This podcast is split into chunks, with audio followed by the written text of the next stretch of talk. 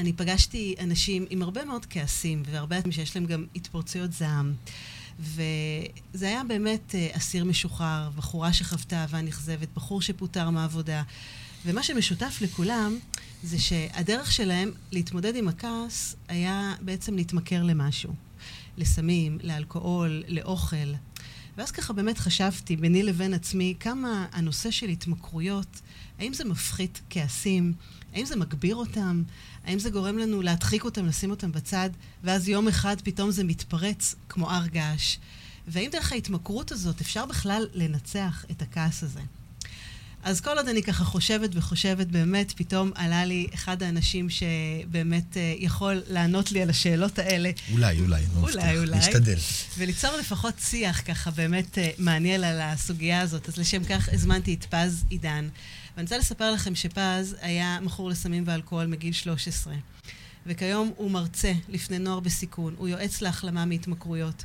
ואני בטוחה בעל שיש... בעל קליניקה פרטית. ובעל קליניקה פרטית בהרצליה. בהרצליה, שנתיים. אז על זו התוכנית היום. היי, אני חדי חזן, ואחרי שבעשור האחרון חקרתי מכיוונים רבים את נושא הסליחה, אני יכולה לספר לכם שאפשר לחיות טוב יותר. כן, אפשר. אפשר לסלוח לעצמנו, לשחרר כעסים, ולהפסיק להיתקע בניוטרל על החיים שלנו. ועל זו התוכנית סליחה יומיומית. בכל פעם אדבר על נושא אחר מהחיים, לפעמים גם עם דמות, עם סיפור שעומד מאחוריה, כדי לתת לכם להכיר ולצמוח לדרך חדשה. אתם יודעים, דרך שבסוף סוף אפשר להשאיר את משקי העבר מאחור ולהיות אנשים חופשיים יותר. אז בואו נתחיל. אז פז, מה שלומך? בוקר, בוקר טוב. טוב. בוקר טוב, בוקר אור. אז ככה, לפני שמתחילים להיכנס כן, לנושא, כן. מי זה פז? פז הוא פז, כשמו הוא, את יודעת, אה, פז יקר מזהב. ככה אני מרגיש... אבל לא ידעת את זה לפני ש... אתה יודע, אני תמיד ידעתי לפני... שאני זהב, אבל הייתי מכוסה בכל מיני... אה, הזהב הזה כוסה. בכל או. מיני פחדים, כעסים, טינות, אה, טראומות כאלה ואחרות, שבגללם הלכתי בסופו של דבר, ככה בניתוח ובאנליזה האישית שאני עשיתי לעצמי, הבנתי היום למה הלכתי והשתמשתי בסמים מגיל מאוד צעיר. אה, כמובן, כשאני אומר שימוש בסמים, זה אה, התחיל כמובן בגראס, חברתי, פעם, פעם ב... כזה בשכונה. מה, בגיל 13? גיל 13, כן. וואו. קנינו קופסת גפורים, כל החבר'ה. גדלתי בשכונה מאוד בעייתית בהרצליה, שם כולם היו מעשנים, השכן הזה נרקומן, עד כמה בבוקר יש מסדר של נרקומנים שבודקים אותם, המשטרה והבילוש, ובנגים בחצר ומזריקים בחצר. ואת גדלה בסביבה שזה די מנורמל, די, די את רואה את זה מול העיניים. זאת אומרת, זה רגיל, זאת אומרת, זה לא משהו כן, חריג מבחינתך. כן, אבל אז... פז עצמו הוא ילד טוב. הוא ילד טוב, מגיל קטן שזוכר את עצמי, ילד, ילד זהב, ילד ממש ממש טוב. מה זה אומר ילד טוב? ילד טוב, ילד ש, שמתבונן על החיים, ו, וטוב עם החיים, וטוב עם אנשים, ועם עם לב טוב, ועם uh, מאוד מאוד רגיש. ככה, מאוד ככה לוקח את החיים ברגישות מאוד מאוד גבוהה, וזה עוד איזשהו מאפיין שיש למכורים שאנחנו גם ניגע בו. אם ותרצי, אה, אחד המאפיינים של מכורים זה באמת רגישות יתר. באמת? למה? כי מה? יש איזשהו, אה, אני אוהב לקרוא לזה, אנחנו מסתובבים בלי שכבה עליונה. כולם, כל העולם מסתובב... חשופים. חשופים מאוד. זה כמו פצע שמסתובב בעולם ומרגיש את הכל בעוצמות מאוד מאוד גבוהות, הרבה יותר מאחרים. זה קשור לריצוי של הסביבה? זה קצ... לא, זה לא קשור לריצוי של הסביבה. זאת אומרת, אתה מדבר על רגישות, אתה מדבר על רגישות שלך כלפי מה? כלפי אנשים אחרים? כלפי, כלפי אנשים אחרים, כלפי העולם, כלפי מצבים, כלפי סיטואציות. זה ברמה של uh, מישהו יסתכל עליי בצורה מסוימת, הפרשנות שלי לאותו mm, מבט, okay. אוקיי. לוקחת אותי למקום uh, פגוע שנמצא אצלי בפנים. ואיך זה משתלב לך באמת עם נושא של... Uh, להתחיל, אני אומרת, אני אומרת, הנקודה הזאת מאוד חשובה, כי אני אומרת, מי שמקשיב לנו והורים לילדים, הרי כן. היום בני נוער באמת חשופים להרבה יותר אפילו ממה שהיה פעם, עם כל הפתיחות כן. וה, והרשתות החברתיות. אפשר רגע לעצור רגע באמת עם ההורים, כי אני חושב שלמשפחה יש איזשהו, אה, משפחה זה גורם מכריע. מכור אה, שלא קיבל את, ה, את היחס שהוא היה צריך לקבל, ואת הערך שהוא היה צריך לקבל. הוא מוצא אותו בסופו של דבר בסמים. כאילו זאת אומרת, זה חסך שבעצם מחפשים למלא אותו. זה חסכים, כן. אני מכיר היום, אני מטפל בילדים שבאים ממשפחות טובות, ובאמת, משפחות מאוד מאוד מבוססות, אבל יש שם משהו שחסר, משהו שהילד הזה לא קיבל. אה, מה זה חסך מבחינתך? אה, כאילו, תן לי שם לחסך, למשל. תשומת לב, למשל? תשומת לב, אהבה, לדבר רגשות, לא להתנהג רגשות. הרבה משפחות לא יודעים לדבר רגש. מתוך נכות שיש גם להורים. אני מרשה לעצמי להגיד נכות שיש להורים. לגמרי. שהיה להורים שלהם, שהיו להורים שלהם. בגלל זה אומרים שמחלת ההתמכרות זה משהו שהולך אה, בדורי דורות, ובסופו של דבר זה יושב על רגשות שלא קיבלו ביטוי. אני, הרגש שלי לא קיבל ביטוי. הרבה פעמים הייתי צריך רגע את האימא או את האבא, רגע שיאספו אותי, ורגע שיגידו לי, שיתרגמו לי את מה שקורה לי, שיהיו מתווכים טובים ביני לבין העולם, וכנראה זה לא קרה. אגב, יש לי הורים מדהימים ומקסימים. זה לא קשור, זה לא... כן, זהו, אמא שלי זה... תמיד צופה בתוכניות, אני תמיד נזהר ככה, ברור, אה, ברור. כשאני מדבר על זה, אבל באמת יש איזשהו משהו של, ה, של ההורים, שאנחנו לא קיבלנו מה, מההורים. עכשיו, זה לא עמדה קורבנית, זה עמדה מאוד מאוד, אה, את יודעת, אה, מציאותית. ככה זה, ככה גדלים. אתה יודע, זה מעניין מה שאתה אומר, כזה. כי, כי אתה יודע, אין, אין איזה באמת מציאות כל כך אה, שלמה, ושהכול יכול להתנהל כמו שצריך. אני אומרת, אני אשאל אחרת, האם אפשר למנוע את הדברים האלה? זאת אומרת, האם היום באמת אנחנו במשפחה שנותנים ערכים, ואני חושבת שמי שבאמת אה, הורה יכול להבין באמת כמה זה חשוב הנושא של הילדים. הנקודה הספציפית הזו, ובגלל זה גם אני מתעכבת, כי אתה אומר גיל 13, וגיל 13 זה כל כך מוקדם. כן. זאת אומרת, גם היום... טוב, לי יש עבר אה, לפני גיל 13, את יודעת. אוקיי, אוקיי.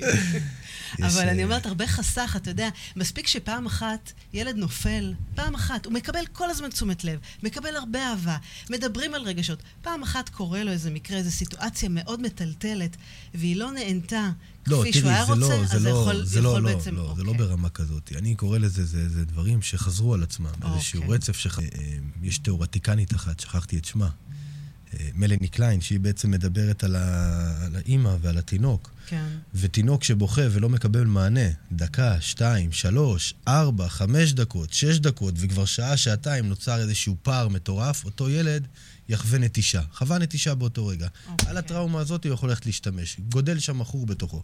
וואו. גודל וואו, שם ילד, וואו, כן, וואו, את מבינה? זה עד מטורף. כדי כך, כן.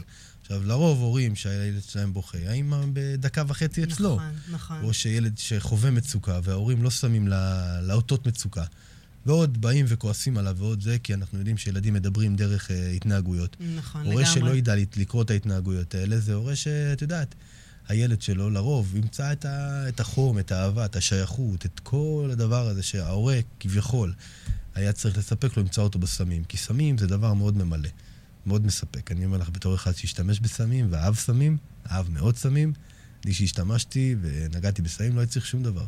זה סיפק לי את כל הבורות הרגשיים שלי, הרוחניים? שלי. לאורך זמן, ובסוף זה הפסיק לעבוד.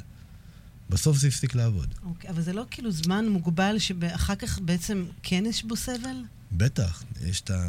יש את פרידה קאלו, שהיא בעצם, אחד השירים שלה אומרת שהכאב למד לשחות. אוקיי. אנחנו אוקיי. הטבענו את הכאב, הטבענו את הרגשות, אני כל הזמן עושה את התנועה הזאת, אני דחסתי כל הזמן את כל הרגשות שלי. כל רגע שבא אליי, לקחתי עליו שליטה. כשאתה אוקיי. מעשן ג'וינט, סוף יום, לקחת שליטה על, הרגש, על הרגשות שלך. ושכל פעם עולה אצלך איזשהו רגש, ואתה שותה עליו ומעשן עליו, ואתה לוקח שליטה על הרגשות שלך, הם לא מקבלים ביטוי. לכן כשמכור עולה על אוקיי. דרך, נגיד, בגיל... אה, כאילו קובר אותם. הוא קובר אותם. אני עליתי על דרך בגיל אה, 28, ואני יכול להגיד לך שבגיל 28 התנהגתי כמו ילד בן 14. מבחינה רוחנית, רגשית. וואו. הייתי עדיין ילד, כי הרגשות שלי לא, הת-? לא התפתחו. איך זה בא לידי ביטוי? כל דבר, כל דבר. ההסתכלות שלי לעולם, הרגישות שלי, ה- הייתי יושב במעגלים של, נגיד, בצבא. אני זוכר, הייתי מרגיש את הפערים כל הזמן, שאיך וואו. הם ככה חי... חיים את החיים. ו- כאילו זה להקפיא את הזמן, מי- את מקפיא- ממש ככה. כן. אתה יודע, הרי אנשים, אה, הרי יש לא לנו... את הזמן, את מקפיאה את ההתפתחות. הרוחנית. שלך. וואו, זה מטורף. כן, אתה יודע, אנשים הרי, יש לנו הרי את הכאב מצד אחד ואת ההנאה מצד שני. נכון. ואנשים לא יודעים להתמודד עם כאב, עם סבל, אז באמת בורחים לצד של, הנאה, של ההנאה כל הזמן. וזה בדיוק מה שאתה אומר. ברגע שכואב לי, סבל, משהו לא טוב לי, אז אני בורח כי, כי, כי אני לא, לא רוצה להתמודד עם זה. כי בדיוק. לא, לא בא לי להתמודד עם זה. אני לא יודע להתמודד עם זה. אם יודע- נחזור לילדות, מגיל כן. קטן, כל כאב שהיה, כל סבל שהיה, לא קיבל ביטוי. אז הלכתי ואת יודעת, אה, חיפשתי לי אה, כל מיני פתרונות אחרים. את יודעת, הלבשתי על עצמי מסכות, גדלתי מוקדם מדי, הייתי בשפה שלי ילד בוגר. וואו, ילד ש... זה מטורף. כן, ילד שלקח את החיים, ומה שנקרא, פספס הרבה מאוד שנים מהילדות, מהילדות שלו. אתה יודע, שאתה מספר את זה ככה ואני מקשיבה לך, אני אומרת, האם זה נמנע? זאת אומרת, הרי הנקודות הרגישות? האלה, אני אומרת, מצד אחד, אף אחד לא מלמד אותנו איך להתנהל בחיים האלה. אין שום הוראות הפעלה. איך להתנהל גם בתור ילד וגם בתור הורה, כן. וגם מה לתת ומה לא לתת. תראי, אצלנו, ו- האמת, לא מתעסקים בזה. כן. מה בא לפני הביצה או התרנגול, אנחנו לא מתעסקים בזה. כאילו, אה, once הבנת שיש לך בעיה, יש פתרון. בוא אוקיי. בוא נתחיל לטפל בה. אנחנו לא נוגעים בה כמו טיפול פסיכולוגי כזה או אחר, שאומרים, רגע, בוא נסתכל על הילדות ואיפה זה נולד ולמה זה... אני איתך. לגמרי. אנחנו מתעסקים בפתרון. יש לך בעיה, בוא נתעסק לגמרי. בפתרון, ולאט לאט, בהתפתחות שלך ובהתפתחות שלך, צפים. יצופו דברים ואיתם נעבוד. אבל כרגע. אנחנו מתמקדים רק בפתרון. זאת אומרת, אנחנו לא נוגעים בבעיה. הבעיה היא ידועה. אוקיי. לאט לאט, בזמן שלך, אני קורא לזה כמו להפוך אה, חלקים של פאזל, עוד חלק הופכים ועוד חלק הופכים, ולאט לאט משלימים הכל אה, נכנס. את התמונה. אבל זו נקודה יפה, כי בעצם מה שאתה אומר, אני מסכימה איתך וגם אני פועלת בדרך כזאת, כי קודם כל בוא, בוא, בוא נבין שיש פה בעיה. בוא נבין, בוא נשים אותה על בוא השולחן. נודה שיש בעיה. בדיוק. מכורים לא יודעים להודות שיש בעיה. שזה אחד הדברים ה basic, מפה נכון, מתחילים. נכון, כי יש מערכת הכחשה מאוד. מאוד מתוחכמת. ואם אני מזיז את ההכחשה, אני צריך לטפל בבעיה. ההכחשה זה בעצם מנגנון הגנה שמגן עליי. לא סתם כל המכורים, גם אנשים מזרק ביד, תגידי לו, דוד, מה? הכל טוב, הכל בסדר. שיהיה לך יום טוב. הכל, הוא, לא, הוא יפחד לגעת בבעיה שלו, אני לא מאשים. אני היום רואה נרקומנים, רואה... אני, הלב שלי זה, זה אני. כן. כן. זה אני, רק אה, הם עצרו, עוד לא עצרו בנקודה שככה אלוהים והבורא ככה עצר לי לעזור. מה הרגע שגילית, שהבנת שיש פה בעיה? אני קראתי ככה, ודיברנו גם באיזה, כן. לפני התוכנית, שאתה סיפרת שבעצם בגיל 28 אתה נולדת מחדש. נכון. עכשיו, נולדת מחדש זה כבר אחרי, זה ההתפתחות, זה כבר השלבים, זה התהליך כבר שעשית. מה הנקודה שאתה הבנת שיש פה בעיה וצריך לעשות איתה משהו? האמת שבגיל אה, 18 אה, הייתה פעם תוכנית רדיו של... אה, שכחתי את השם שלו, היה מדבר על סמים. איך קוראים לו? נו, ב... דוקטור... אה, נו, שכחתי, זה מישהו... ש... אוקיי. מישהו שהיה לו תוכנית על סמים, סמים, אייל מדני. אייל מד- אייל אוקיי. מדני. והייתי מקשיב לתוכנית הזאת כל הזמן. ואני בגיל 17 כבר הייתי עמוק בתוך, ה... בתוך הסמים, בתוך הגראס, יותר נכון. ואני זוכר שלילה אחד התקשרתי אליו בשם בדוי. וואו. כן, זה לא סיפרתי אף פעם, ואמרתי לו, קוראים לי יוסי, והתחלתי ככה, זה היה הפעם הראשונה שהודיתי שיש לי וואו. בעיה, ורציתי, ביקשתי איזושהי עזרה. כי את uh, מתמודדת, את די בודדה, ב... כשאת מתמכרת לסמים, את די בודדה. את לא בוטחת באף אחד, את מפחדת לחשוף את עצמך מצד אחד. מצד אומץ, שני, את אבל- סובלת מאוד בפנים. איזה אומץ לבוא ולהרים בטח. טלפון ולספר אה, בפני באמת אה, קהל מאזינים, ו... ובכלל, להוציא את זה. כן, כי מה זה התמכרות? זה כמו, אה, אתה יודע, דיבוק שנכנס אלייך ולוקח עלייך שליטה, יש לך מנהל. ולאט לאט הקול הפנימי שלך, העצמי שלך הולך ונהיה קטן, קטן. מישהו וה- מנהל אותך. משהו אחר מנהל אותך הרבה יותר גדול ממך, זה ברמות שכאילו זר לא יבין זאת. הרבה פעמים עד היום אני מנסה, כבר לא מנסה להסביר לאנשים, כי אנשים לא מבינים מה זה התמכרות. מי שלא חווה התמכרות באמת, לא יודע להבין עד הסוף מה זה אומר הדבר הזה, כמה זה קשה. הרבה נגיד מסתכלים על זה כחוסר בעמוד שדרה, אנשים שהם חסרי עמוד שדרה, אנשים שהם חלשי אופי. אני פה זה כדי, הגדרות, בתוכנית כן. הזאת, גם שלי, תמיד מנסה לשבור רגע את הסטיגמה הזאת, להגיד רגע לעולם, חבר'ה, התמכרות זה כמו כל מחלה. זה אלרגיה כמו כל אלרגיה. זאת אומרת, זה אחד ממש שמ- מחלה? זה מחלה בטח, מחלת ההתמכרות. מה זאת אומרת? זה מחלת ההתמכרות, זו מחלה שאני חושב, שאלת מקודם מאיפה זה מגיע, אני חושב שיורדים ככה לעולם. אני חושב שמכור זה אחד שירד ככה לעולם. זה, זה, זה, זה מבנה אישיותי, וואו. זה לא משהו שנולד בדרך. אתה מכור. ההתמכרות שלך, אתה תפגוש אותה בדרך. אז איפה זה יושב על החסך שמגיע וכולי וכולי? אם זה באמת משהו שאתה אומר הוא מולד, מהמם. איפה בעצם העניין הזה שזה יושב על כל מיני חסכים שאתה לא מקבל בילדות, ואז אתה באמת מתפתח וכולי וכולי? תראי, מה זה כמעט את אותו מסלול חיים? חווינו את אותם אה, אה, טרגדיות, יש לי אח שנפטר בצבא, חווינו את אותם אה, דברים שנורא נורא כאבו לכולם. אה, כולם נשואים, כולם משפחה, כולם ילדים, כולם ב, בעיניים שלי די נורמטיביים. זאת אומרת, הם לקחו את, את מה שקרה להם, והיה להם איזשהו מבנה רגשי שיכל רגע להכיל את כל מה שקרה. אני, כנראה לא. אני כנראה לקחתי את זה למקומות, אה, כנראה זה חדר אליי. כאילו, אתה אומר שזה אפילו משהו מאוד עמוקים. בגנטיקה אני שעובר חושב לנו. שזה, בטח. וואו, אתה יודע, אני אומרת, אה, הסטארט-אפ הבא שיכול להיות, זה באמת כבר בשעון, אה, באמת... לזהות. לזהות ולאתר ולראות באמת איך אפשר כן. להשלים ולתת פה את, ה- את ההשלמה הזאת, כדי שבאמת יהיה הרבה יותר קל, כי... כן, אבל אני חושב שזה- שזה תוכנית... אבל זה ככה, מה, תוך- סתם ככה באמת מחשבה פילוסופית נראה לי. אני חושב שיש איזושהי תוכנית אלוהית כזאת, לבורא, להוריד גם אנשים שהם uh, יעברו את המסע הזה, שיהיו מכורים, ואחרי זה יעלו על דרך, כמוני, ויש מיליונים כמוני בעולם, ואז הם ישיתו את היד לאלה שגם uh, זה, וזה איזשהו תפקיד, כנראה, מיני תפקידים שיש פה בעולם, אם אני מסתכל על זה ככה בצורה רוחנית. זאת אומרת, אני תמיד אומר, אני חתמתי על המסע שלי, שמעתי את זה לפני שבוע, שאנחנו חותמים על המסע שלנו. למעלה יש לנו מסע, אומרים לנו, אוקיי, זה, אתה רוצה את המסלול הזה, אתה חותם עליו? כן, יופי, תחתום, וואו. ומפה אתה נוסע על המסע שלך. תקשיב, זה חזק לחתום. מה, נכון. זה, מה זה לחתום מבחינתך? לחתום זה לקחת, קודם כל להבין שכל מה שקורה לי, עד ה... זה הכל מדויק. זה לא משהו שאני... אה, אני, כמובן, יש לנו את הבחירות שלנו בדרך, אם רגע לעצור. היה לי הרבה מאוד אה, ככה אורות אדומים שאמרו לי, פס תעצור, פס תעצור, פס תעצור. זה בא לי בצורה של חרדות. בגיל 21 פתאום צפו לי כל הסמים, אני זוכר. הייתי עושה הרבה מאוד סמים וצף לי הכל, והייתי בחרדות מאוד מאוד גדולות, ולא עצרתי שם. ואחרי זה נעצרתי במשטרה ולא עצרתי שם, ואחרי זה... כל מיני דברים כן, באמת שקרו לי. כן, אבל בדיעבד אנחנו כל כך חכמים להסתכל על הנורות האדומות ולהגיד, אה, ah, הנה, זה, זה אמר לי משהו, אבל באותו רגע אתה אומר, אין היגיון, הכל מטושטש, אני לא רואה שום דבר, אני זורם עם החיים ככה. תראי, חדי, אני מאוד מאמין בבורא. אני אומר, אין עוד מלבדו. זאת אומרת, אם זה קרה, זה כנראה היה, זה היה משהו לקרות. שהיה צריך לקרות, כאילו. Okay. אוקיי. אבל בדיעבד כן אפשר ללמוד, ודרך הניסיון שלי היום, אני יכול באמת אה, להעביר את זה לאחרים ולהגיד להם, רגע, בנקודה הזאת, אם תעשה ככה, יש מצב אתה תזוז רגע במקום שלך, כאילו בוא תלמד רגע מה... תספר לי מה זה נורות אדומות. אז אמרתי, נורות אדומות זה באמת, ה... לי היו הרבה נורות אדומות, גם בצורה, אמרתי, של חרדות, בצורה של התרחקות מאנשים, התרחקות ממשפחה, התרחקות מעצמי בעיקר. את יודעת, הייתי קם בבוקר ולא מזהה את עצמי. אני, יש לי כמה שנים מהחיים שמחוקות לי.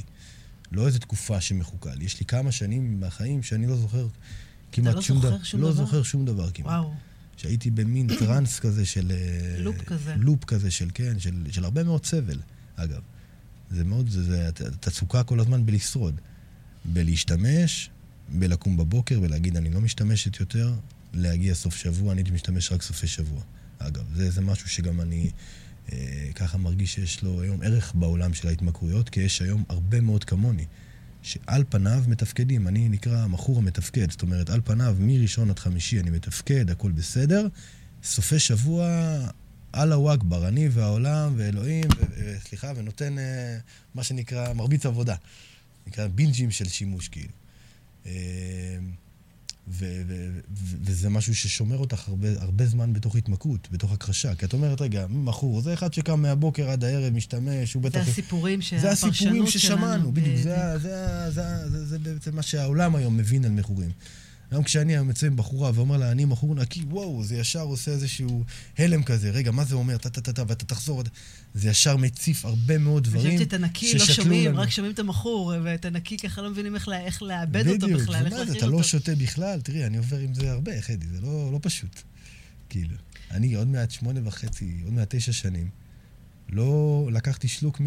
תודה לאל, כן? אסירות תודה לאלוהים על זה. אני ככה אה, מודה על זה ואוהב את החיים המפוקחים שלי. למה פז? כי זה מפחיד אותך? כי אני אלרגי לזה. זה בדיוק מחלת ההתמכרות. כי אם, כי אם אני אגע עוד הפעם בזה, אני ארצה עוד מזה. זה מכור. זה התמכרות. זה, מה שעושה לי טוב, אני רוצה עוד ממנו, ולגבי כל דבר. אבל אתה יודע, זה לא חייב להיות סמים אלכוהול וסיגריות. אמרתי, לגבי כל דבר. אוכל, אה, אה, תחביב או לא משנה מה. הכל. נכון. הכל. זה, אני אומר, ההתמכרות שבאתי איתה לדרך, זה קצה הקרחון. אני חושבת שכל בן אדם הוא, הוא, הוא מכור למשהו בעוצמות כאלה ואחרות. לכולם. אבל השאלה, אתה יודע, אם אני לוקחת, אתה יודע, הסקאלה של 1 עד 10 בהתמכרות, באיזה שלב, באיזה נקודה זה כבר הופך להיות משהו של מחלה? או שזה כל אורך הדרך הוא מחלה, ואני אני מנסה להבין איך, איך בוא, בן אדם כן. יכול לאתר את זה ולהגיד, רגע, פה זה מקום שאולי אני צריך עזרה. אז בואו נעשה רגע סדר. הצעד הראשון של תוכנית 12 הצעדים, אה, ככה יש תוכנית כזאת שהיא באמת מותאמת למכורים, אה, לכל סוגי ההתמכרויות. זהו, זה מה שרציתי שתדגיש. לכל סוגי ההתמכרויות, בסדר? זה התחיל מאלכוהול, זה עבר לסמים, אוכל, מין, אה, הימורים, קניות, מכורים לדיכאונות, מכורים לגנבות, מה שאת רוצה. היום יש מעל 128 קבוצות בעולם. וואו. כן, מיליונים, זו קהילה ענקית שחיה את, ה, את הדרך הזאת. והצעד הראשון מספר, אומר ככה, עודנו שאנו חסרי אונים מול התמכרותנו, ושחיינו הפכו לבלתי ניתנים לניהול. זה הצעד הראשון. מודעות. מודעות, לא. קודם לא, כל, חוסר, חוס, חוסר אונים, להגיד, אני לא יכול להשתמש, דבר ראשון. עכשיו, החלק השני של הצעד אומר שחיינו נהפכו לבלתי ניתנים לניהול. זה אומר שהמכור, החיים שלו לא מנוהלים, הוא לא יודע לנהל את החיים שלו. הוא לא יקום בזמן, הוא יעזוב עבודות כל הזמן, מערכות יחסים כמו טלנובלה, כן? תמיד יש איזשהו אה, דרמה בתוך המערכת יחסים. זה בעצם לבוא ולצעוק שיש לי בעיה?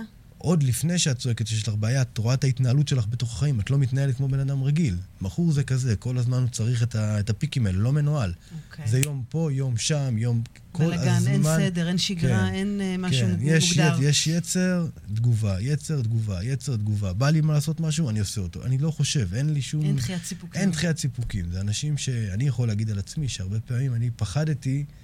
אה, שאני לא אקום בבוקר. זאת אומרת, אז אני חייתי את הכל ברק להיום. הכל כאן ועכשיו, וכמה שיותר תעמיס לי, כי מחר אף אחד לא יבטיח לי שאני חי. וואו. פז, אם אני מחזירה את הנקודה הזאת של השלב הראשון, שאתה אמרת שיום אחד הרמת טלפון uh, בתוכנית רדיו, איפה זה תופס אותך בשל... ב- ב- ב- בכל השלבים האלה? זאת אומרת, אתה אומר, קודם כל, אני מבין שיש לי פה, יש משהו של... שהוא לא טוב לי. אני רוצה לעשות עם זה משהו. אני מרים טלפון ואומר, תקשיבו, עולם, יש לי פה בעיה, אני צריך עזרה. איך זה בעצם משתלב בתהליך עצמו? זה, אני חושב שזו הייתה תחילתה של תה, תחילתו של תהליך, שהתחיל בגיל 17, ובגיל 18 הייתי כבר על הברכיים. וואו. גיל, גיל 28, סליחה, הייתי על הברכיים. גיל 28, גיל 17, זאת אומרת, התחילה באמת הקריאה הראשונה לעזרה. גיל 28, אחרי שעברתי באמת מסלול מאוד מאוד מאוד קשה של הכחשות, של... של הסתרות, של באמת ניסיתי להפחית את השימוש, ניסיתי לעבור מדינה, הלכתי לארצות הברית, עברתי לאילת, עברתי לחיפה.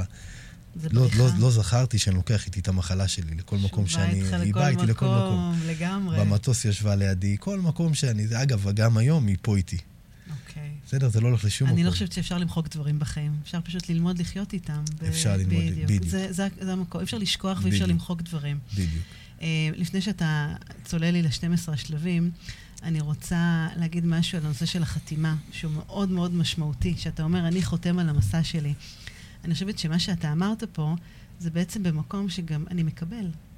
אני משלים עם מי שאני. אני, מקבל אני בעצם אני את סיפור חיי. בדיוק, אני זז מהאזור של הקורבנות. בדיוק. אני בדרך מפסיק כלל להאשים. אנשים, אנשים שמתמודדים עם התמכרויות, זה עשה לי, שתה לי, אשמה, אכל לי. אש- מאשים את כל העולם. אני נכון. לקח לי הרבה זמן לזוז רגע מהעמדה הזאת של העולם אשם במשהו שקרה לי, העולם לא אשם במשהו שקרה לך.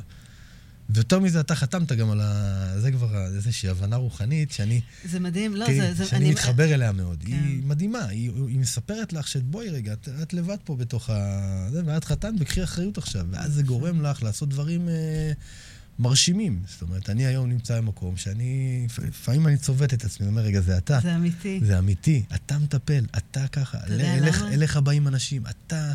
פתאום העולם מתעניין בי, זה, זה, זה חוויה שלא הייתה לי. זה מדהים, כי. מהאשמה אתה הפכת באמת לקחת אחריות. עכשיו, אני חושבת שהתחושה שלך, שבאמת אתה אומר, אני צובט את עצמי לראות שזה אמיתי, זה בא ממקום שאתה מרגיש משמעותי עבור אנשים אחרים. בדיוק. אתה מרגיש שאתה, הייעוד שלך הוא פה, בנקודה הזאת, ואתה... וכולם מאשרים לך את זה. בדיוק. זה לא שאת חיה בסרט. אני נכון. פעם הייתי מעשן או שותה, וזה, חי בפנטזיות שיום אחד יקרה, ואני...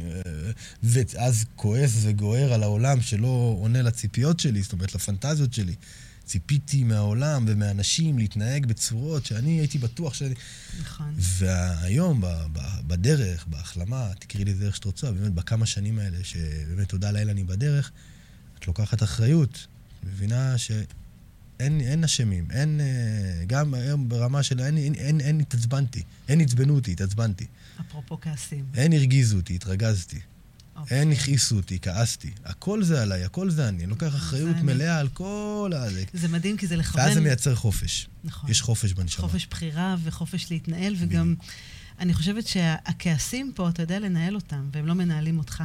אתה יודע, זה, זה ממש לקחת את אה, עדשת, את עדשת המצלמה, במקום לשים אותה כלפי חוץ, לשים אותה כלפי פנים. לגמרי. זה הסלפי שלנו היום. אני אומרת, שימו, אני כל הזמן אומרת לאנשים, שימו את זה פנימה, תפסיקו להסתכל מה הם עשו ומה... אנחנו- זה שלהם. וזה בואו בדיוק- תראו מה אתם לוקחים כן. משם לחיים שלכם. לגמרי, בדיוק. חדי, לגמרי, וזה בדיוק הצעד הראשון. שדיברתי על uh, חוסר ניהול, לא ידענו לנהל את חיינו, זה גם העולם הרגשי שלנו. מדהים. כי מדהים. מכורים בדרך כלל מרגישים משהו, פועלים עליו. כעסתי, בלי לחשוב. בלי לחשוב, כעסתי, הגבתי. קמתי עייף, לא הלכתי לעבודה. כן, זה, כל דבר, והדרך והאחריות הזאת שדיברתי עליה, כן, הצעד הראשון שאני לוקח על זה אחריות, הופך את זה שאני נהיה המנהל של העולם הרגשי שלי. ולא הוא מנהל אותך. והוא לא מנהל אותי. וואי, אני רוצה וזה- לשמוע על זה בנושא של ההתחברות לכעסים שלך. איפה הם היו ואיך בעצם הפכת את היוצרות. כי למעשה, בעבר, הכעסים והסיפוקים, משהו אחר ניהל אותך. ובאיזשהו מקום הכל מתהפך, והאחריות הזאת יוצאת, וזה לא שאנחנו לא כועסים, כועסים, אבל אנחנו מסתכלים על הכעס ב... בנקודת מבט אחרת. כל משפחה היום סובלת מ... אני אומר לך. יש מכור בכל משפחה. גלוי, מוסתר, יש מכור בכל משפחה. זה לא מדהים. כמו פעם, סטטיסטיקה, פעם, בארבע, אחד בארבע בתים וכאלה. ובגלל זה אני אומר, זה נורא פה ולא מדובר. וואו, ואני חייבת גם להוסיף. כוכבית שדיברנו עליה, שזה לא רק אלכוהול, סמים, סיגריות, זה יכול להיות גם התמכרויות שהנזק הוא, הוא אותו דבר. זאת אומרת, זה לא שאם בן אדם, בדיוק, לרגשות, לרגשות, יחסים, לחרדות, אה, למערכות יחסים, לאובססיות כזאת או אחרת, להרגלים, ל- לכל מיני תחומי עניין. אני אומרת, הנזקים הם אותם נזקים. זאת אומרת, אה, פחות או יותר, כן? אה, אבל זה שבאמת יושב פה בן אדם שהוא מתמכר לסמים ואחר מתמכר ל... לאוכל, זה לא אומר שאצלו יותר אצלה יותר קל ואצלו לא. ממש לא. זאת אומרת, הסבל וההתנהלות היא אותה התנהלות. זאת אומרת, יש פה בעיה שצריך לדבר עליה. ויש פתרון שהוא משותף לכולם. בדיוק. זה שזה הכי חשוב. להגיד, שיש בטח. מה לעשות. יש מה לעשות עם לעשות. זה, כן? לא חייב לקבור את עצמנו בתוך ה... אה, אני אומר גם ריצוי נגיד. ריצוי זה גם התמכרות. דיכאון, לרצות מישהו. דיכאון זה גם התמכרות. חרדה זה גם התמכרות. וואו. אז רגע, אז פז, בוא נדבר על אה, איך, מה, מה עושים? זאת אומרת, איך יוצאים מכל הלופ הזה של ההתמכרות? התחלת ככה לפני ה... אה, שיצאנו לשיר לדבר על אה, תוכנית 12 השלבים. מהמם. אז אני רוצה ככה באמת לראות את... שתיגע בה ככה פחות או יותר ב- בזמן שיש לנו. יאללה, יש לנו כן, קצת זמן. לנו. נצא למסע, אני אעשה- אני אעשה את זה ככה אה, אה, מתומצת. כן.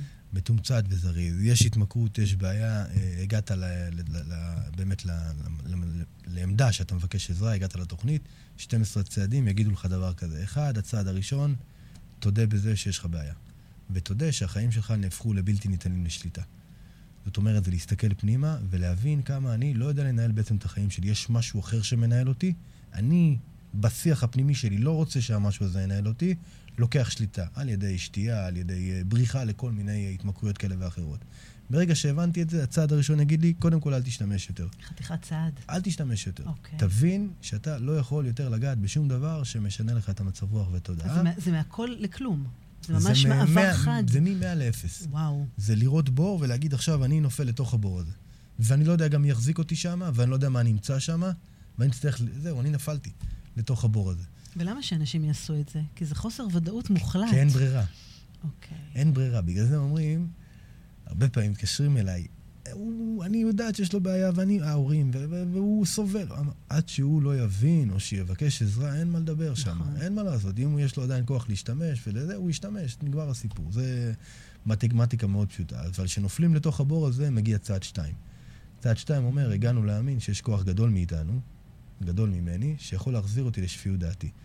זאת אומרת שאני מתחיל למצוא קבוצה, אני מתחיל למצוא אה, מישהו שהולך איתי בדרך. אני מישהו לא ש... לבד. מישהו שמאמין בי, מישהו שאני מזדהה איתו. אוקיי. הרבה פעמים מטופלים שבאים אליי, אומרים לי, אחד הדברים שאנחנו ממשיכים לבוא אליך, כי יש הזדהות. זאת אומרת, אתה מסתכל לי בעיניים ואתה אומר לי, אה, במי, בלי מילים, אני מבין מה אתה עובר, אני יודע מה אתה עובר, אני הייתי במקומות האלה שאתה, שאתה עובר בהם כרגע. אה, זה צעד שני, שבאמת נותן הרבה מאוד תקווה. אם בצעד הראשון אני מסתכל על הבור ואומר, וואו, איזה הרס עכשיו נוצר לי בחיים, כי ההתמכרות לא נותנת לך לראות את ההרס. התמכרות כל הזמן מטשטשת לך את המציאות. מה, מספרת לך שהכל בסדר והכל טוב והכל... ואז בצעד הראשון שאתה מודה בבעיה ואתה מסתכל פנימה, אתה רואה בהם בעצם את כל הארץ. צעד שתיים נותן לך הרבה תקווה. צעד שלוש אומר לך, אם כבר הגעת להאמין שיש כוח גדול ממך, בוא תמצא עכשיו את אלוהים. ולא רק שתמצא את אלוהים, אלוהים כמו שאתה מבין אותו. בלי שאף אחד סיפר לך על אלוהים, כי הרבה אנשים מגיעים לדרך עם אלוהים דתי, עם אלוהים שסיפרו להם מה זה אלוהים, מי זה אלוהים, הפחדות. אומרים, תנקה את כל הרעשים, וואי, בוא תן לו תצא- פרשנות בוא. תצא למסע, תאמין באותו אלוהים שאתה רוצה להאמין בו כרגע. ולא רק זה, תמסור לו גם את החיים שלך. בדימוי שלי זה לנסוע על רכב, להגיד לאלוהים, קח את המפתחות ואת ההגה, אני עובר למושב האחורי. מישהו אחר שינהיג אותך, ינהל אותך, ישפיע עליך, יעשה משהו אחר. בדיוק, אם חוזרים לצעד הראשון, אני לא יודע לנהל את החיים שלי. אוקיי. זהו. אז אני בצעד שלוש מוסר אותו לאותו כוח עליון, ומתחיל להתחיל, אה, מתחיל באיזשהו קשר עם אותו כוח עליון. אבל זה יפה שאתה נותן את הפרשנות הזאת, ואתה בונה את זה בעצמך. כן. אגב, זה רק מקסים. פרשנות שלי, אם יושב פה מישהו אחר שידבר על הצעדים, באמת? זה לא הוא- משהו מוגדר? זה, זה, זה כל אחד בחוויה שלו, זה הקטע. אוקיי. זה כמו 70 פנים לתורה, אני אומר, זה, זה 250. אני אהבתי את הנושא שבאמת אתה זה שנותן את הפרשנות, איך זה יהיה ומה יהיה בו. תחשבי על זה, כמכור, שתגידי לו מה לעשות, קודם כל את אה, סיימת קריירה איתו, את לא יכולה להגיד לו מה לעשות. אז כל התוכנית של 12 הצעדים באה בגישה של אני מציע לך. אתה רוצה תיקח, אתה רוצה תבחר, אתה רוצה תעשה. ובמיוחד על אלוהים, תחשבי שהתוכנית הייתה אומרת, אתה צריך להאמין ב... ככה וככה. את, דרך אגב, זה מקסים. היו מתים נכון. אנשים, זאת אומרת מיליוני אנשים היום היו מתים, אם התוכנית הזאת הייתה מגדירה להם במה להאמין. זה מדהים, כי זה בחירה. הדרך לאחריות. בדיוק. נכון. וזה גם הדרך ל- לרוחניות, את יודעת, כן. פה מתחיל מסע מטורף, ואת רואה פתאום שזה עובד. אני היום, האלוהים שאני תופס, זה אלוהים שאוהב אותי, אה, צוחק איתי, מסתלבט עליי לפעמים, גמיש איתי, לא מעניש אותי אבל יותר, לא משנה מה אני עושה.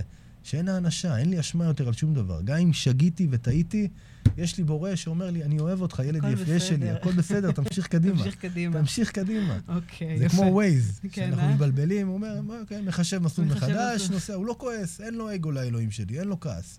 וזה איזשהו שינוי תודעתי זה. שעוזר לי להתנהל בתוך העולם הזה ביותר חופשיות. זאת אומרת שאני גם יותר סלחן גם לאנשים.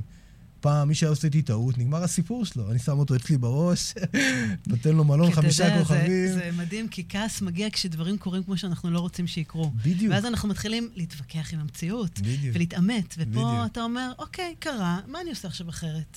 זה אחר- זה גישה שונה לגמרי. לגמרי, קרה וגם בוא נבדוק את עצמי. צעד שלוש זה גם איזושהי, אה, ככה, אה, שמרחיב לך באמת את התודעה של הסליחה ושל הקבלה וכן הלאה. ובכלל, שיש פה בורא לעולם הזה, אתה מתחיל להבין, בצעד שלוש אומרים, יש איזושהי אמרה יפה, שתי, אה, שתי, שתי בשורות. אחד, בשורה טובה, אחת פחות טובה. הטובה היא שיש אלוהים. השנייה, הפחות טובה, זה שזה לא אתה. כאילו, כי הרבה אנשים אוקיי, שמתמכרים. הם אלוהים. אנחנו שולטים בעולם, נכון. אני מנהל את העולם. קחי אנשים על קוקאין, על זה. הם מרגישים שהם הדי-ג'יי, הכל קורה... ב... בוא, בוא, אדוני, תירגע רגע, תעבור למושב האחורי ותחליט שאלוהים מהיום הוא המנהל שלך, אתה הילד שלו, אתה הוא הזה, אתה הסוכן שלו, איך שאתה רוצה להסתכל על זה, רק תבין שאתה לא מנהל יותר שום דבר. זה מדהים, זה גם להוריד מוריד את ה- הרבה אחריות. נכון, נכון, תחשבי לגמרי. עליי, כמה אחריות לקחתי על המשפחה, על אנשים, על מצבים, על זה, פתאום אני מבין שזה לא שלי. מדהים. יש הרבה דברים שהם לא שלי, זה לא שלי, זה לא שלי, זה לא שלי. אני לוקח אחריות רק על מה מה אתה יודע שאני איך אני. רואה את זה? זה? זה סוג של להוריד את האגו. לגמרי, כן, זה שם. כן. אוקיי. אז זה השלב השלישי. זה השלב השלישי. אחרי שהכרנו את אלוהים, ככה כפי הבנתנו, מגיעים לצעד ארבע. צעד ארבע אומר, ערכנו חשבון נפש אמיתי נוקב וחסר פחד עם פגמינו, עם החיים שלנו. זה להסתכל פנימה וללכת אחורה בזמן. או-הו. חשבון נפש פנימי, זה לפתוח. את כל הפצעים. את כל הפצעים, למי יש לי טינות. לעשות, זה כמו אה, ספירת מלאי, כמו עסק שעושה ספירת מלאי. אני עכשיו מסתכל על העסק שלי, שזה פז, עכשיו העסק שלי מבולגן, חבל על הזמן, הגעתי לתוכנית מפורק לגמרי. ואז להתחיל להוציא כן. דברים שכבר לא, אני לא צריך, ולהתחיל לטפח דברים שקיימים אצלי. אני גם מורכב גם מטוב, גם, מ, גם מפחות טוב, כמו רוב האנשים, וזה להתחיל לפתח איזושהי ענווה. בצעד ארבע את מתחילה להסתכל על עצמך בכנות אבל. וואו. זה אפשר טובה, להגיד שזה ניקיון? פח- ניקיון אמיתי. אוקיי. ניקיון אמיתי. אוקיי, יפה. לוקחת טינות, רושמת טינות שיש לך על אנשים. ממש טבלה פה. יש טבלאות, בטח. אם אני אשב איתך יום אחד, את תראי, הצעדים מסודרים, יש טבלאות, במי פגעתי, איך פגעתי, איזה פגם אצלי היה פעיל, את פתאום רואה את הפגמים שלך. והכל זה אתה מול עצמך. כל זה את מול עצמך. אוקיי. צעד חמש, אחרי שעשיתי את החשבון נפש שלי, אני בא איתו לעוד בן אדם ולאלוהים. ואני מספר לו מה גיליתי מה- בצעד הרביעי שלי. כמה חשוב. בדיוק. כן. כי אומרים, גם אם גילית, בשביל שמישהו ישחרר אותך, אתה צריך אדם נוסף כדי שישחרר אותך מזה, נכון. ויש שם את אלוהים ששומע אותך. אז בצעד ארבע אני נותן את כל החשבון נפש שלי ל- ל- לאותו אדם, חשוב שמישהו ולאלוהים. ישמע אותך, וגם שאתה תשמע את עצמך, בדיוק. אומר את זה בקול רם. ויותר מזה, חשוב גם הבן אדם, זה כבר דברים ככה יותר, אה, אבל הבן אדם שאת אה, יושבת מולו, שיהיה בן אדם מבין, בן נכון, אדם שלא ישפוט אותך. תחשבי, אנחנו מדברים פה נכון. על דברים מאוד אה, חזקים. זה מאוד יפה מה שאתה אומר. אתה יודע שאנשים כותבים מכתבי סליחה, ואחד הדברים שאני מציעה להם זה באמת להקריא את המכתב לאדם, ואם אין אדם, אז לפחות לפני זה ללכת ולהשמיע לעצמם את המכתב בקול רם. כדי שישמעו אותו, שישמעו את עדיף הכול. אדם, אבל. תמיד עדיף אדם. אז זהו. בת- אבל לפעמים, אתה יודע- בצעדים זה יותר מפורק. אני ישבתי, נגיד, עושה- עם מישהו כן. שישה חודשים. פעם בשבוע מפגש. תחשבי, שישה חודשים, פעם בשבוע מפגש, רק על צעד ארבע. וואו. פירקנו טינה. טינה, טינה. טינה, ראיתי בדיוק על מה זה ישב לי. ראיתי כמה טינות שהיו לי שהן לא מוצדקות בכלל. נכון. כמה כעסים הסתובבתי בעולם הזה, טוב, בתוך הנשמה שלי, שאנחנו, כן. שהן לא מוצדקות. לא בואנה, כעסת לא. לא, לא בצדק בכלל. פה אתה בכלל היית אשם. פה נכון. את מתחילה לקחת אחריות, את מקבלת אתה אחריות על מסתכל זה. על זה אחרת, אתה יודע. בדיוק. אבל אתה יודע, לפעמים אני אומרת, אה, אדם שאתה רוצה להקריא לו את המכתב או לספר לו מה עברת, הוא לא תמיד בחיים. אז לפעמים יש פה איזה, איזה מקום שאתה אומר, אוקיי, אז אני מקריא את זה לעצמי כדי לשמוע את עצמי, את הכל, ואז באמת, אבל זה, זה נושא אחר, אבל הוא ככה מתחבר. אוקיי, יפה אוקיי, שלקחת את כן. זה לשם. כן, אז באמת הצעד הזה נותן לנו הרבה חופש, ויותר מזה, אני אחר כך גם לא, אה, משתדל לא לאסוף יותר אה, טינות וכעסים ו... שהם לא שלי. זאת אני פתאום מבין שהכלי הזה, שרגע אני מנקה אותו ומכשיר אותו, אני פתאום שומר עליו. אני לא אכנס למקום שאני יודע שהוא לא טוב לי, אני אשתדל, גם אם כעסתי, זה לעשות עבודה עם הכעס הזה. אני מתחיל להבין שבשביל לשמור על הניקיון, מה זה ניקיון? זה לא מסמים. ניקיון זה בדיוק מהמקומות האלה. סליחה מהטינות, נכון. מהפחדים, מהכעסים, אז אני פתאום מתחיל לשמור על עצמי. אני מסתובב בעולם ואני יותר שומר על עצמי, יותר מודע לעצמי. מדהים. זה בסדר? שינוי גישה מטורף. לגמרי. כן. אה, צעד 6 זה בעצם להסתכל על צעד 5 ו-4, לראות את כל הפגמי אופי שלי, לעשות רשימה, להסתכל עליהם. צעד 7 זה לבקש מאלוהים שייקח אותם. כי בהבנה שלנו, רק אלוהים יכול לקחת לי את הפגמי אופי שלי. רק אלוהים. כמו שאלוהים רק ידע לקחת לי את השימוש שלי, ויותר מזה, לקח לי את הכמיהה. תחשבי, בחור שמסתובב בעולם ואין לו כמיהה להשתמש. אני אתמול ישבתי בבר עם אה, שתי חברות ושתי חברים, וכל אחד עם היין ועם הבירה וזה, ולא הרגשתי לשנייה אחת אה, שונה. לא היה או לך לא צורך, לא או כלום? צורך, אוקיי. כלום. בגובה העיניים, מדבר, צוחק, מסתלבט. אכלתי אדממה, שילמתי בעצמי את החשבון, ולא גנבתי מאף אחד אה, שום דבר, וחזרתי לבית אה, נקי ומאושר. מבסוט, כן. בסדר? זה איזשהו משהו שהגעתי אליו. אה, אז זה צעד אה, שבע. צעד שמונה, אנחנו עורכים רשימה של כל האנשים שפגענו בהם. אוקיי. כל האנשים שפגעתי בהם, מ- מהילד אה, דני בבית ספר, שנתתי לו סתם. זה לא, זה לא חופף לצד שש, שיש לך את הטינה ו- וכל מיני מצבים כאלה ואחרים? מה זאת אומרת? הרי בצד שישי אתה סיפרת... שש זה פגמים, אנחנו, אנחנו, אה, אה, אוקיי. מוס, אנחנו אה, מבינים. לא, אבל נגיד אני כעסתי על בן אדם מסוים שעשה לי ככה וככה. אז זה לא, זה לא חופף באמת ל... לצד הזה? זה חופף. אוקיי. אם כעסתי, אז אני ארשום אותו גם בצעד שמונה. אבל הבנתי, לרוב אוקיי. בצעד שמונה אני מתעלם מהפגיעות שפגעו בי. זאת אומרת, זה יותר, אני יותר כלפי חוץ. מתעסק כלפי בפגיעות חוץ. שאני פגעתי באנשים. הבנתי, אוקיי. זה צעד זה- בוגר, זה צעד שאומר, אם בצעד אה, אחד לסלוח. היית קורבני, בצעד כן. שמונה כבר אתה אומר, בוא'נה, אני עכשיו רוצה לקחת אחריות לנקות את עצמי. אוקיי. אתה יודע איך אני קוראת לזה? לסלוח ולבקש סליחה. כן. אוקיי. צעד שמונה באמת מסתכלת על העולם, ואת מחפשת כבר את האנשים שפגעת בהם. את לבקש מהם את הסליחה ואת המחילה. כדי, זה להתנקות. צעד אינטרסנטי, כאילו. זה בשבילי? בשבילי, הכל זה בשבילי. ניק- בוודאי. הכל בשבילי. צעד שמונה זה באמת להסתכל פנימה, כעסים. צעד תשע זה ללכת לכל האנשים שפגעתי בהם ולבקש סליחה. אבל לא סתם סליחה. זה לא אני מצטער. זה עשיתי עליו עבודה. רשמתי אותו בצעד ארבע, את הטינה עליו, ראיתי את החלקים שלי, הכנתי את עצמי עד שאני בא לבקש ממנו סליחה. ואז שאני בא לבקש ממנו סליחה, וזה מצבים לא, לא פשוטים. תחשבי, אנשים שגנבת מהם, אנשים שפגעת בהם, אנשים שאמרת להם משהו שלא היית בשפיות בכלל. זה לבוא, אחד הדברים הקשים שם זה לעמוד באותה עמדה. תחשבי שאני חוזר אחרי שש שנים שאני נקי לאותה עמדה של פעם, ואומר לו, בוא, ולהיזכר במה שקרה, זה לא פשוט. אבל זה גם צעד שמנקה מאוד, צעד האישה. וואו, רק על הצד הזה הייתי יכולה לעשות איתך תוכנית שלמה. לגמרי, אין לנו, אנחנו, אני רואה. שאת ככה בזמנים. זהו, אני ארוץ צעד עשר, זה לעצור את הכל, כל יום, אה, להמשיך בחשבון הנפש. ואם פגעתי במישהו, מיד לבקש סליחה. אני לא סוחב על עצמי שום פגיעה יותר. כל יום, סוף יום, אני רגע עוצם את העיניים, חושב איך עבר עליי היום, פגעתי במישהו, מיד אני מרים אליו טלפון, אני מצטער, לוקח אחריות. אם פגעתי במישהו. בסדר? זה צעד שמשאיר אותי כל הזמן נקי. אוקיי, אוקיי. צעד 11 זה כבר צעד של אלוהים, להמשיך בתפילות, במדיטציות, לשפר את הקשר ההכרתי שלי עם אותו אלוהים שהכרתי הכרתי בצעד 3. כן. זה כבר צעד רוחני מאוד מאוד uh, גבוה.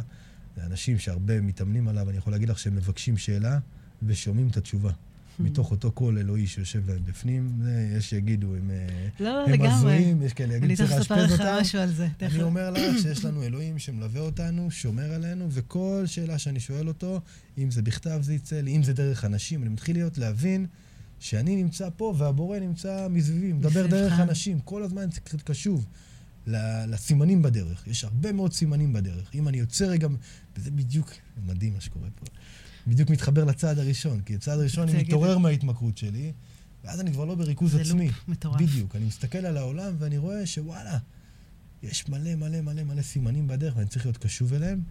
וזה כמו אנשים שמסמנים לי כל הזמן, רק מכוונים תפתחו, אותי. ואני אומרת, מי ששומע אותנו, רק תפתחו את העיניים ותראו אותם. תפתחו את הראש. ממש תפתחו ככה, את הראש, תפתחו את ותפתחו הראש את ות- העיניים, נכון. תסתכלו לכל אחד, כאילו הבורא בעצמו מדבר דרכו, ויראו ניסים גלויים. הרבה פעמים מדברים אלינו ואנחנו הורגים את השליחים. נכון, the נכון. אנחנו לא רוצים לשמוע, אנחנו סותמים את האוזניים. בדיוק. אתה יודע איך אני מקבלת תשובות? שיש לי שאלות? דרך מוזיקה. יפה. כן, כן. נו, זה אלוהים כפי כן, הבנתך, יפה. כן. יש לי איזו שאלה או סוגיה או משהו ככה שאני מתלבטת. יפה. אני אומרת, עכשיו אני פותחת את הרדיו, או עכשיו אני שמה את הפלייליסט. השיר הראשון ש...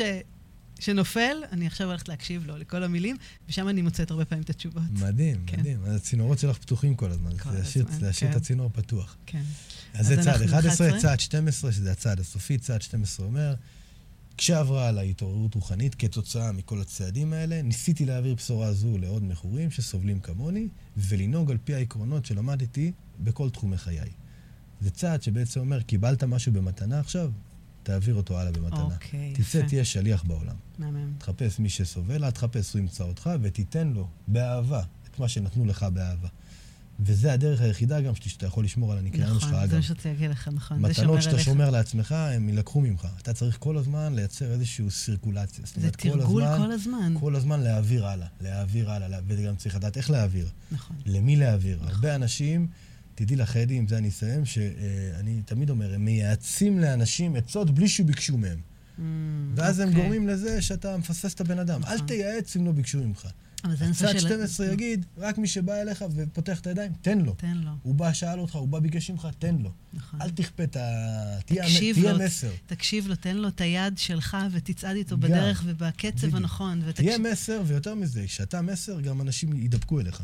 מדהים. אנשים ידבקו אתה אליך. יודע שאתה עכשיו ככה סקרת לנו את 12 השלבים. אני אומרת, זה, זה אפילו התנהלות יומיומית.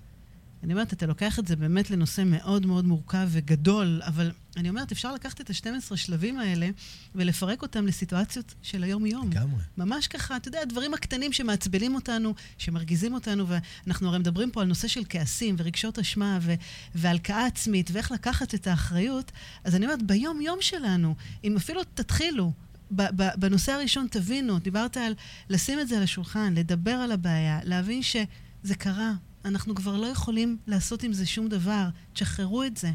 אם זה באמת מכוח עליון, ואם זה המציאות, ואם זה העולם והגורל, ואני אומרת, כל אחד שיתחבר למה שטוב לו. אבל בשביל זה צריך להגיע לכניעה מול אותו דבר שאנחנו מתמודדים. זאת אומרת, כל שאר הצעדים, השלבים, לא יוכלו לעבוד אם לא הגעת לחוסר אונים מול אותה בעיה שאתה מתמודד איתה. זה ממש. אה? והרבה פעמים אנחנו כמטפלים גם, רואים את הבן אדם סובל, ואומרים לו, אתה סובל, ת, ת, ת. לא יעזור, אנחנו צריכים לא לאפשר עובד. לו, לאפשר לו להיות במקום הסובל. הוא עדיין צריך לסבול. לא סתם אומרים לכאוב. שהדרך לצאת מכאב זה לעבור דרכו ולצלול דרכו. נכון. ולנקות אותו, נכון. ויותר מזה, אם כבר אתם שם, אז באמת אה, תעשו את המקלחת, ה... אני תמיד אומרת לאנשים, תעשו מקלחת של סליחה כל יום. כאילו, תוציאו, תנקו, תבדקו, ממש כל יום. בשביל להפסיק לכאוב, בשביל, אה, צריך לכאוב. בקיצור, זה, יש משפט כזה, סלוגן שאומר, אה, בשביל להפסיק לכאוב, צריך לכאוב.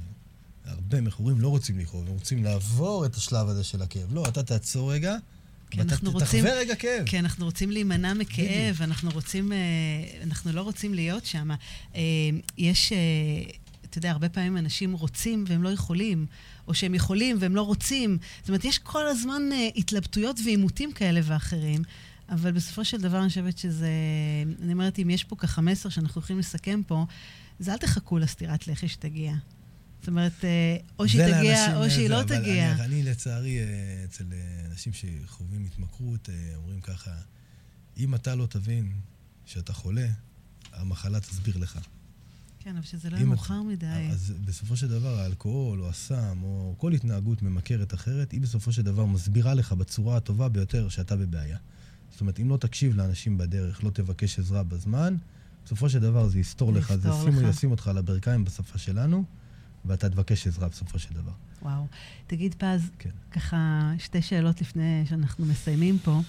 אמ, כבר מסיימים, אני רק כן, עכשיו אה, נכון, רק עכשיו נכנסת. לעניינים, כן. לא, היה כיף, היה כיף. תמיד כיף לדבר. נכון. אמ, אם עכשיו הייתי מחזירה אותך לגיל 13, לפז בן 13, 13 וחצי, 14, ככה, אתה יודע, הגיל הזה, איזה עצה היית נותן לו? שאלה טובה.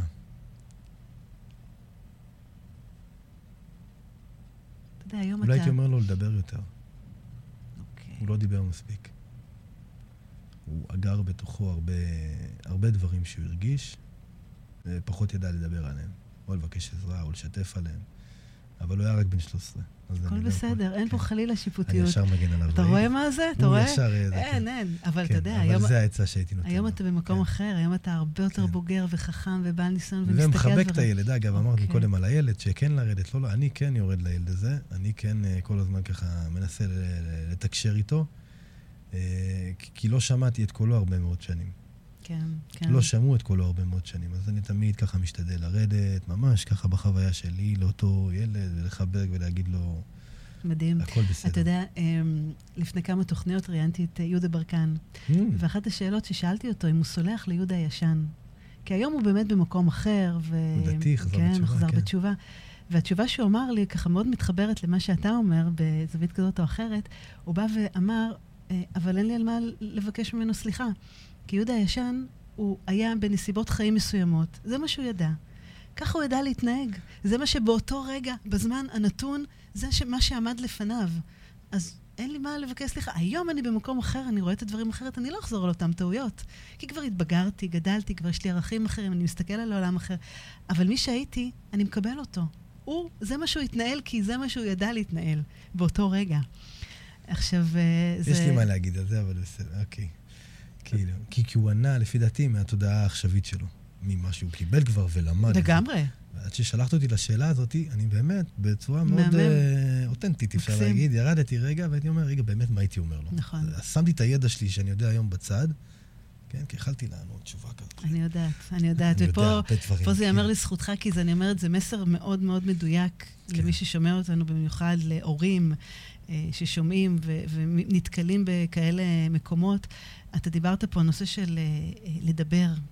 והרבה פעמים אנשים, אני חושבת שאחד הדברים הכי הכי משמעותיים, ודיברתי אני מדברת על זה הרבה, זה נושא של תקשורת. בדיוק, באתי להגיד תקשורת. ואתה נגעת פה בנקודה שהיא סופר סופר חשובה. זה תקשורת שלך עם עצמך קודם כל, לדעת לבטא ולהתבטא. עכשיו, זה לא ברמת ניסוח, אני לא צריכה פה משפטים אה, באקדמיה העברית שעוברים פה, לא רלוונטי, אבל לבוא ולצעוק ולהגיד את האמת שלך, ולשים אותה על השולחן, אפרופו באמת השלב הראשון, מודעות, יש לי בעיה, משהו מפריע לי, לא נחמד, לא, כן טוב, לא טוב.